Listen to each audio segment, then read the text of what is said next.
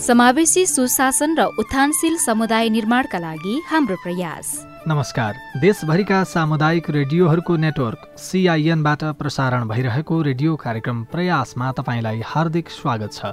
यो कार्यक्रम W W W dot CIN खबर डट कम सिआइएन एप्स र सिआइएनको फेसबुक पेज सिआइएन खबर साथै सुर्खेत र धनुषाका विभिन्न सामुदायिक रेडियोसँगै देशभरका तीन सय बढी सामुदायिक रेडियोबाट सुन्दै हुनुहुन्छ।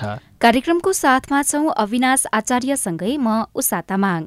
यो परियोजना युरोपियन युनियनको आर्थिक सहयोगमा Voluntary Service Overseas VSO Nepal युवा संस्था सञ्जाल ion friend service council Nepal FSCN र सामुदायिक रेडियो प्रसारक संघ अकुराबको सहकार्यमा तयार पारिएको हो।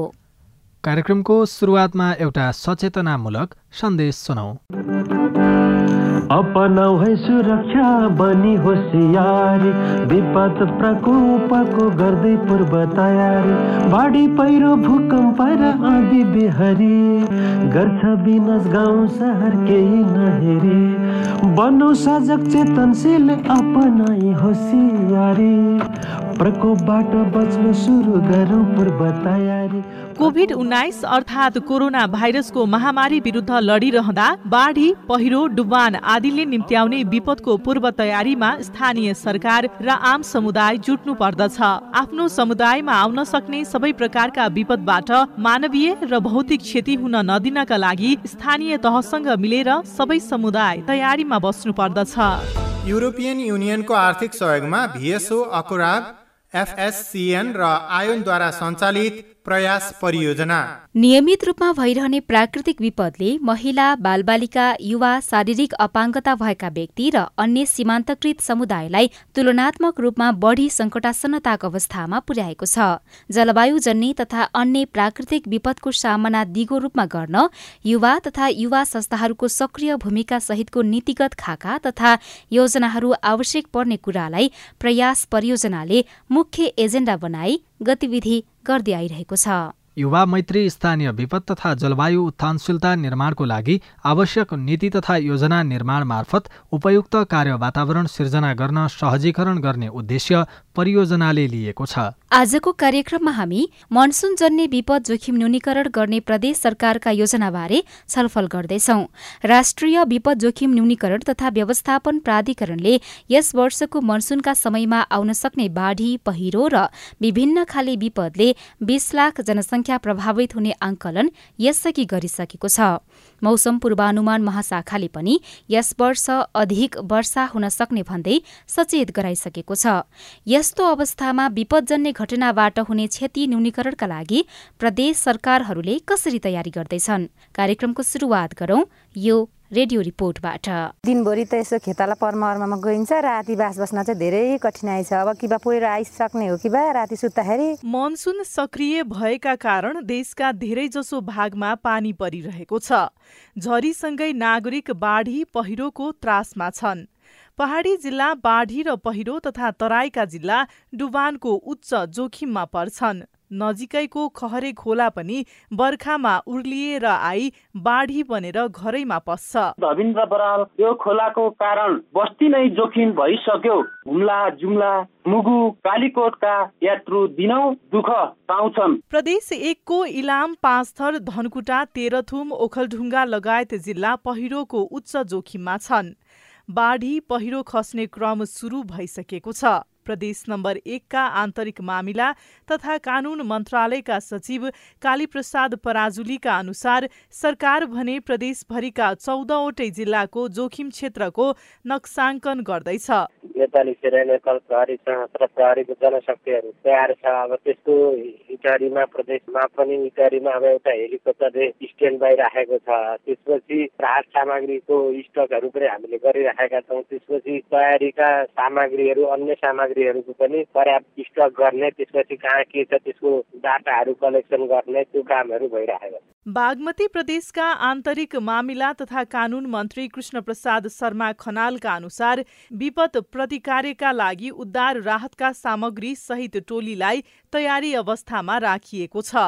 सुरक्षा निकाय अनि स्काउट रेड क्रसलाई पनि सचेतना गराउने अभियान अहिले हामीले चलाइराखेका छौँ पहिलो। पावत विपद परेको बेलामा चाहिँ त्यस्तो अप्ठ्यारो अवस्थामा चाहिने आवश्यक सामग्रीहरू चाहिँ छिटो छिटो पुगोस् भन्ने हिसाबले हामीले खास गरी सिन्धुली चितवन र मकवानपुरको लागि चाहिँ हेटौँडामा गोदाम गरिराखेका छौँ र त्यहाँ गोदाममा चाहिँ आवश्यक सामग्रीहरू चाहिँ पर्याप्त मात्रामा छ। दोस्रो खास गरी पूर्वी क्षेत्र दोलखा सिन्धुपाल्चोक काभ्रे लगायतका ठाउँहरूमा चाहिँ त्यसलाई छिटो छिटो सामान पुर्याउन सकियो त्यस्तो अप्ठ्यारो पर्यो भने काभ्रेमा हामीले गोदाम घर बनाएका छौँ र त्यहाँ सामान राखेका छौँ। गण्डकी प्रदेशको विपद कोषमा छ करोड रकम जम्मा भएको छ।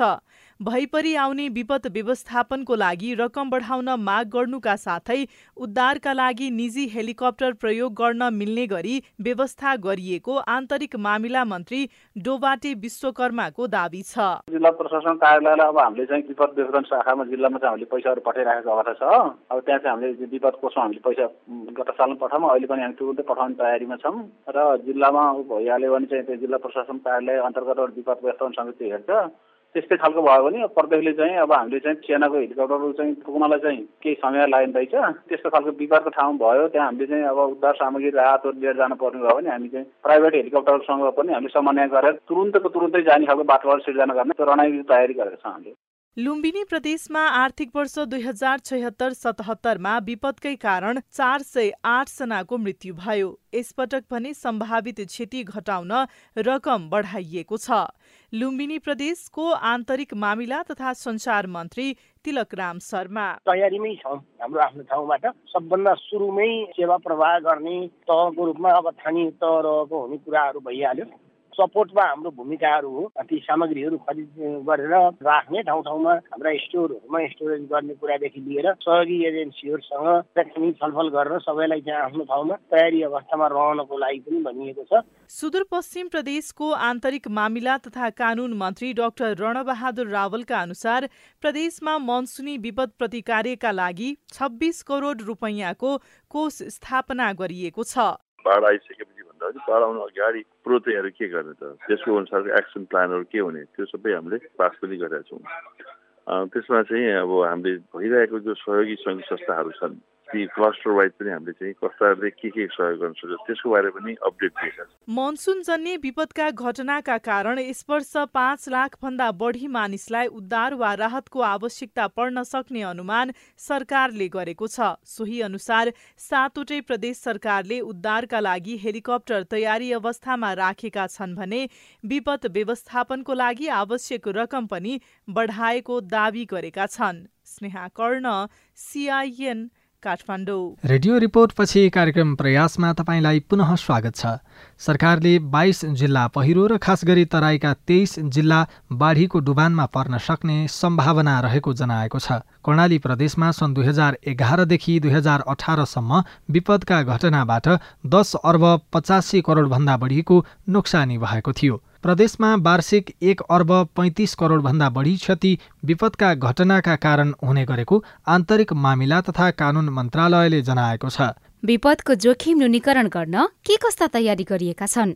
आन्तरिक मामिला तथा कानून मन्त्री हिम बहादुर शाहीसँग हामीले कुराकानी गरेका छौँ। गत सालमा अलिकति आगलागी बाजी पहिरोले धेरै चाहिने क्षति पुर्याएको छ आएको छ हामीसँग।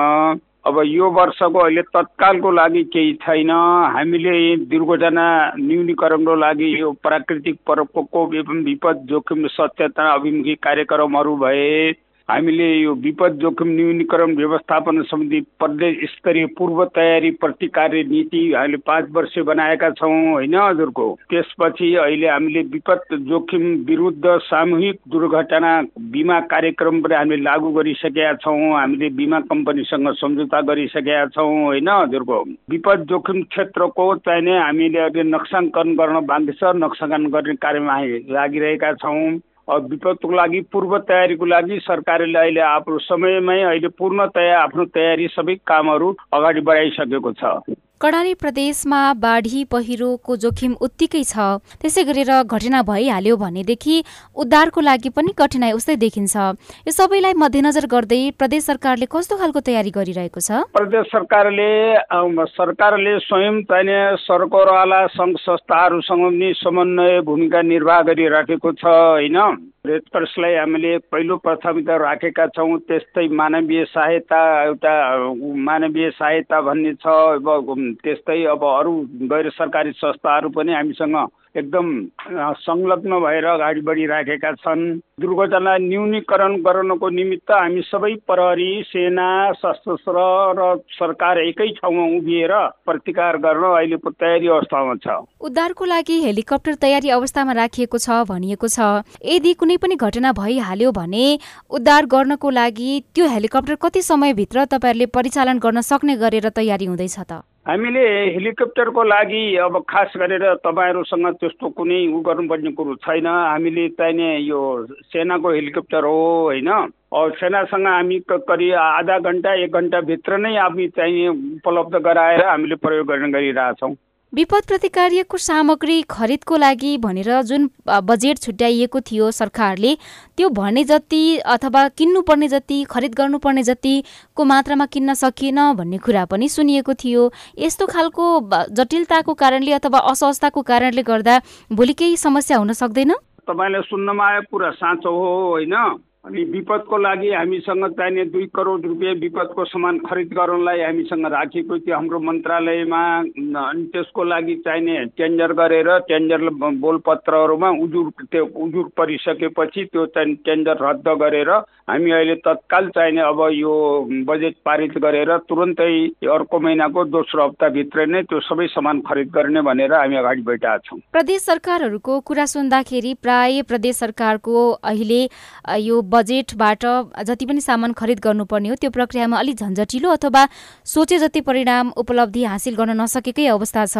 खास कर्णाली प्रदेशमा भएको चाहिँ के हो र आगामी दिनमा त्यस्तो अवस्था नआओस् भन्नको लागि के गर्दै हुनुहुन्छ तपाईँहरू? अब यसमा हामीलाई खास गरेर कानुनी बाध्यता हो हेर्नुहोस् होइन। अब यो खरिद खरिद ऐनले चाहिने अलिकति बाधा गरेको छ। टेन्डर नगरिनु हुने अब टेन्डर गर्नुपर्ने टेन्डर गरिसके टेन्डरमा आएका चाहिँ टेन्डरवालाहरू एक अर्कामाथि आक्रमण गरेर उजुर गरिरहने बेकार चाहिने तपाईँको समयलाई लम्ब्याइदिने उजुर गरिरहने त्यसलाई निराकरण गर्न टाइम लाग्ने त्यस कारणले गर्दाखेरि मात्रै अलिक ढिला सुस्ती भएको यसमा सरकारको ढिला सुस्ती भएको होइन कानुनी बाध्यताले ढिला सुस्ती गराएको हो।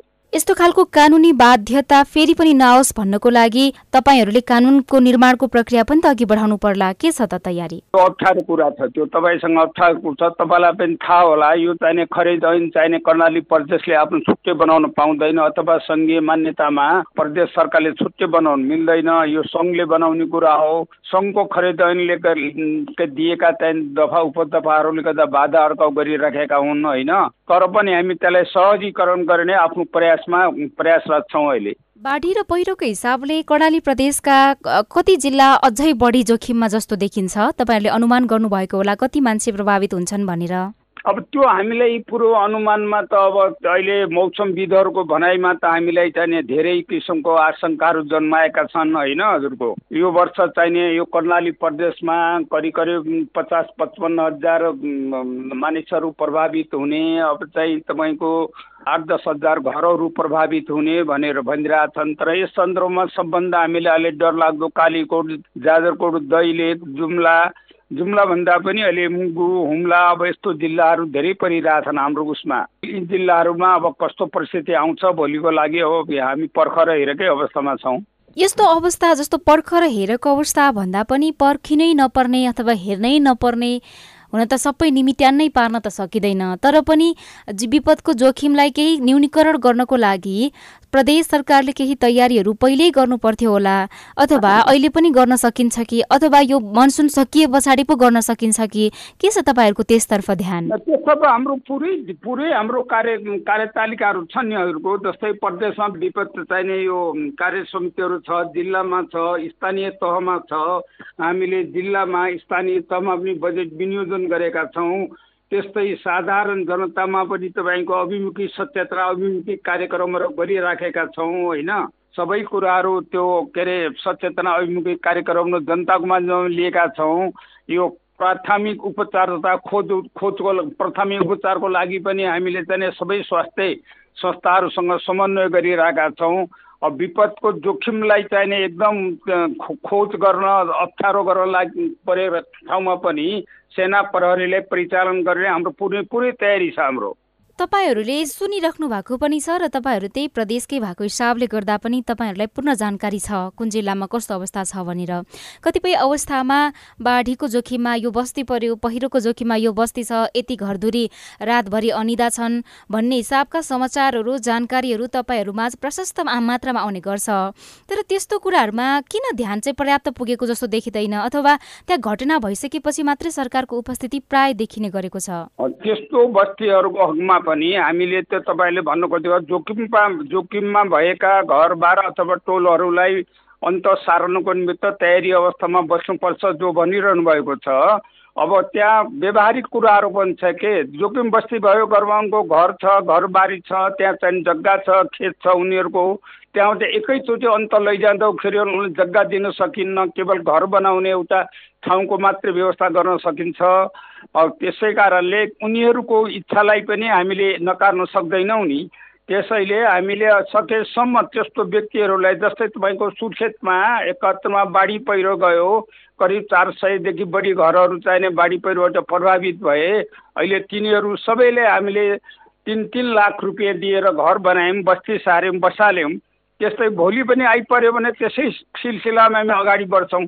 समयको लागि धेरै धन्यवाद छ मन्त्रीज्यू। ल धन्यवाद। तपाईँ सामुदायिक सूचना नेटवर्क सिआइएन धनुषा र सुर्खेत जिल्लाका सामुदायिक रेडियो सहित देशैभरका तीन सय भन्दा बढी सामुदायिक रेडियोबाट प्रसारण भइरहेको कार्यक्रम प्रयास सुन्दै हुनुहुन्छ यो कार्यक्रम युरोपियन युनियनको आर्थिक सहयोगमा Voluntary Service Overseas VSO Nepal युवा संस्था सञ्जाल ion friend service council Nepal FSCN र सामुदायिक रेडियो प्रसारक संघ अकुराबको सहकार्यमा तयार पारिएको हो। पछिल्लो एघार वर्षको अवधिमा मनसुनमा मात्रै दुई हजार चार सय पैँसठीवटा पहिरोका घटना हुँदा एक हजार तिन सय सतासीजनाको मृत्यु भएको छ। भने तिन सय तीसजनाको अवस्था अझै थाहा हुन सकेको छैन। बाढीबाट प्रभावित हुने मध्य प्रदेशमा पनि पूर्व तयारीका काम भइरहेका छन्। गृह तथा सञ्चार मन्त्रालय मध्य प्रदेशले प्रत्येक स्थानीय तहमा हेलिप्याड बनाउने योजना बनाइरहेको छ। हामीले मन्त्रालयका सचिव रामकुमार महतोसँग कुराकानी गरेका छौँ। मनसुनको अहिले सामान्य डुबान बाहेक त्यस्तो ठुलो उल्लेखनीय क्षति छैन। यो मनसुनजन्य विपदले यद्यपि हामीले मनसुनजन्य विपदको पूर्व तयारी तथा प्रतिकारी योजना बनाएका छौँ विभिन्न क्षेत्रहरूको पहिचान गरेका छौँ मध्य प्रदेशमा मनसुनजन्य विपदको वर्षेनी ठुलो क्षति हुने गरेको छ।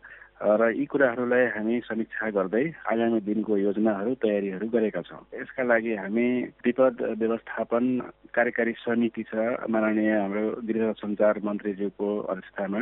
यसको निरन्तर बैठक बसिरहेको छ र प्रदेश विपद व्यवस्थापन समितिको बैठक पनि बसेको छ माननीय मुख्यमन्त्रीज्यूको अध्यक्षतामा।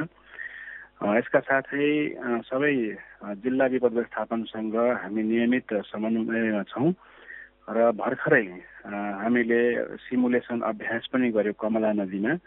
त्यसोभन्दा अगाडि बागमती नदीमा गरेका थियौँ र जिल्ला विपद व्यवस्थापन समितिले आफ्नो जिल्लामा चाहिँ सिमुलेसन अभ्यासहरू गर्ने गरेको छ। जस्तै अस्ति हामीले भर्खरै गर्दाखेरि एउटा मोटर बोटको मेसिन नै चलेन भन्दाखेरि अहिले यी कुराहरूको तयारी स्वरूप हामी सबै एकदम तयारी अवस्थामा रहेका छौँ। र विभिन्न यसका साथै सरकारी निकायहरू भयो नेपाल सरकार मातहतका निकायहरू प्रदेश सरकार र माताहतका निकायहरू स्थानीय तहहरूसँग पनि हामी समन्वयमा छौँ र यसका साथै विपद व्यवस्थापनमा योगदान गर्ने विभिन्न अन्तर्राष्ट्रिय गैर सरकारी संस्थाहरूसँगको पनि समन्वय समन्वयमा हामी छौँ। उद्योगिक व्यवसाय रेड क्रस लगायतका निकायहरू बिच हामी समन्वयमा छौँ।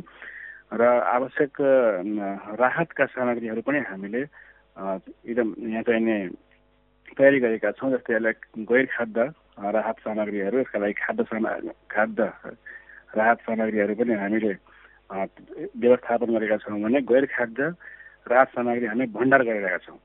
यसै गरी रेस्क्यु इक्विपमेन्टहरू यो चाहिँ पर्याप्त मात्रामा प्रदेश सरकारले गृह तथा सञ्चार मन्त्रालयले व्यवस्थापन गरेको छ। ठुलो परिमाणमा जस्तै रिङहरू motor boat life jacket throw bag body worn camera helmet लगायतका विभिन्न सामग्रीहरू भर्खरै हाम्रो यहाँ चाहिँ आयात आइसकेको छ। र हामी चाहिँ वितरण गर्ने क्रममा छौँ। यसै गरेर जनचेतनामूलक सामग्रीहरू हामी स्थानीय भाषामा प्रचार प्रसार गर्ने काम चाहिँ गरिरहेका छौँ। त्यसै गरेर स्थानीय तहहरूको उचाइ भएको क्षेत्रमा डुबान नहुने क्षेत्रमा हेलिप्याड निर्माणको लागि हामी समन्वय गरिरहेका छौँ।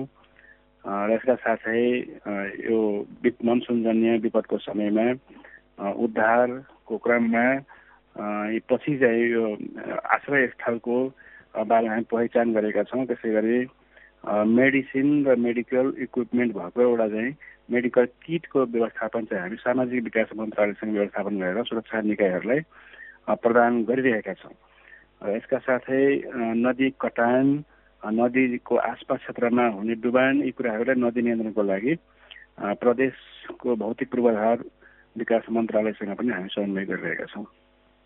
मध्य प्रदेशमा हुन त तराईका तेइस जिल्ला बाढीबाट बढी प्रभावित हुने अनुमान सरकारले यसअघि नै गरिसकेको छ। मध्य प्रदेशका कति जिल्ला सबैभन्दा बढी बाढीको उच्च जोखिममा छन् कि उस्तै छ स्थिति? मध्य प्रदेशका सबै जिल्लाको भौगोलिक स्वरूप लगभग लगभग उस्तै छ।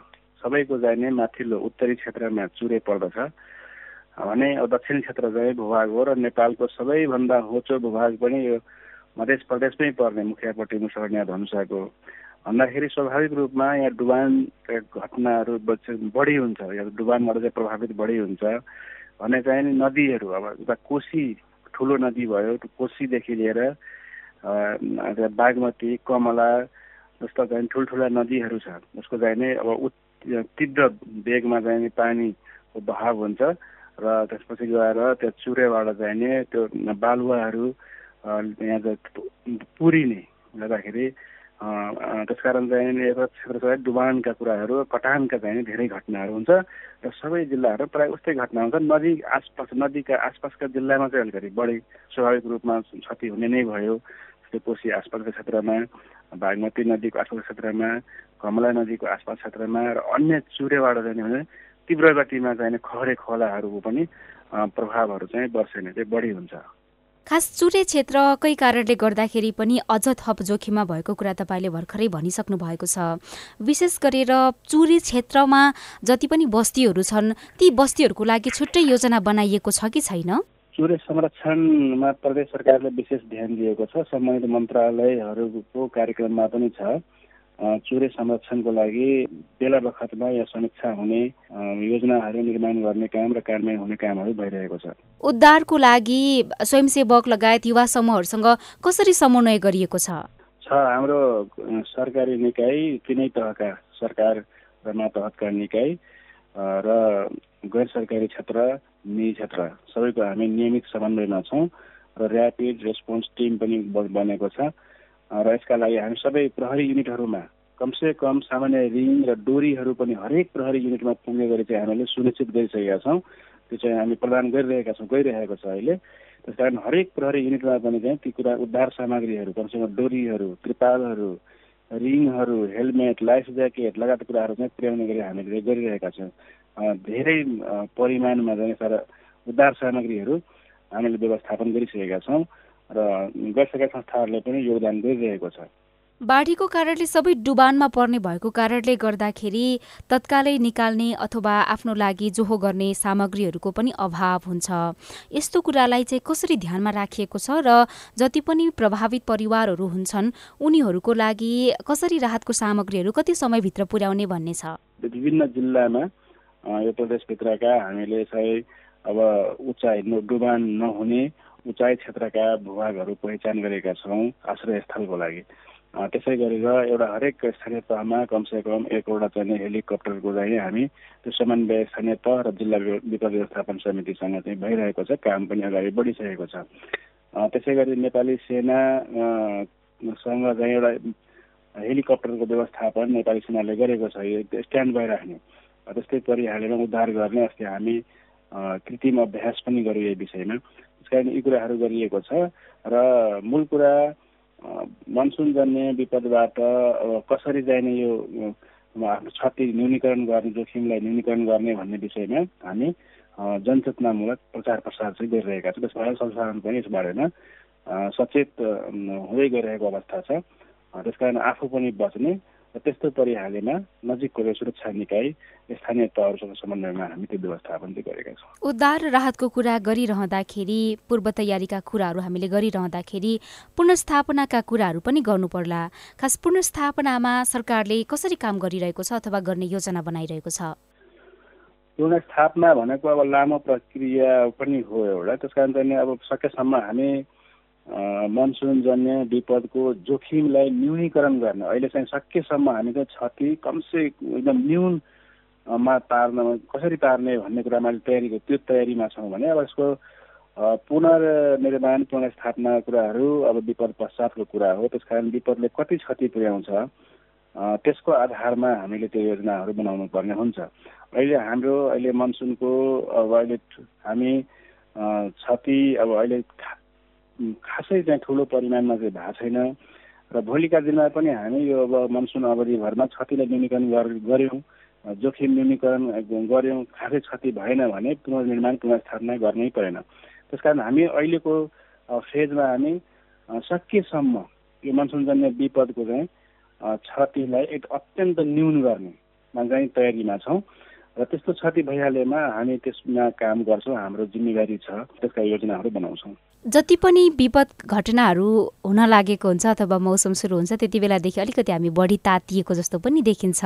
मनसुनजन्य विपदको समय छ त्यसैले तपाईँहरू राहत उद्धार पुनस्थापना पनि केन्द्रित हुनुपर्ने बेला छ। तर जब यो मनसुनको समय सकिन्छ त्यस पछाडिका वर्ष अथवा वर्ष दिनभरि कस्तो खालको कार्यक्रमहरूमा तपाईँहरू केन्द्रित हुने योजना छ ताकि आगामी वर्ष सोचे भन्दा कम विपद होस् भनेर? विपदलाई हामीले उच्च प्राथमिकतामा राखेका छौँ यसको व्यवस्थापनलाई। र तिनै तहका सरकारहरू समन्वय सहकार्यमा अगाडि बढेका छौँ र यसलाई हामीले एउटा विपद भइहालेमा यसको देव चाहिँ यसको उद्धार राहत पुनस्थापना पुनर्निर्माणमा लाग्नुभन्दा नि हामी यसलाई विकासको एउटा अङ्गको रूपमा सँगसँगै रूपमा लाने गरी हामीले तयारी चाहिँ योजनाहरूमा चाहिँ अब यो विपदलाई पनि एउटा चाहिँ अङ्गको रूपमा विपद व्यवस्थापनलाई लाने जसले गर्दाखेरि अब भोलिका दिनमा हामीले गरेका विकास निर्माण मा चाहिँ गुणस्तरीय हुने दिगो हुने विपद घटना चाहिँ न सकेसम्म चाहिँ यो घटना नहुने यसैले हामीले चाहिँ यसलाई एउटा योजनाको एउटा अभिन्न अङ्गको रूपमा चाहिँ लग्ने क्रममा छौँ। र यसको अब मनसुनजन्य विपद सकिसकेपछि अब यसका हामी समीक्षा गर्छौँ। यसका चाहिँ अब हाम्रो प्रयास कस्तो भयो हाम्रो तयारी कस्तो भयो हाम्रो व्यवस्थापन कस्तो थियो उद्धार राहतमा हाम्रो के समस्या आयो पुनर्निर्माणमा पुनर्स्थापनामा हाम्रो कस्तो समस्या आयो यी कुराहरूको हामी समीक्षा गरेर थप कार्यक्रम बनाउँछौँ भने फेरि यसपछि हाम्रो यो वर्षभरिमा मनसुनजन्य विपद मात्रै घटना हुने होइन। अब यसपछि फेरि हाम्रो शीतलहरका अब मध्य प्रदेशमा शीतलहरको पनि अब जोखिम हुन्छ। यो पनि एउटा विपदको ठुलो एउटा चाहिँ कहिलेकाहीँ चाहिँ धेरै जनधनको क्षति हुन्छ। त्यसपछि शीतलहरको फेरि हामीले तयारी गर्नुपर्ने हुन्छ। यसै गरेर हामी फेरि अब हावाहुरी आउँछन्। हावाहुरी आउँछन् आग लगी हुन्छ। आग लागि घटना पनि मध्य प्रदेशमा धेरै हुन्छ। त्यस कारण हाम्रो यो वर्षभरि नियमित रूपमा हाम्रो विभिन्न विपदका नै हामीले व्यवस्थापनको कामहरू गरिरहेका हुन्छौँ। समय दिनुभयो त्यसको लागि धेरै धन्यवाद सचिवज्यू।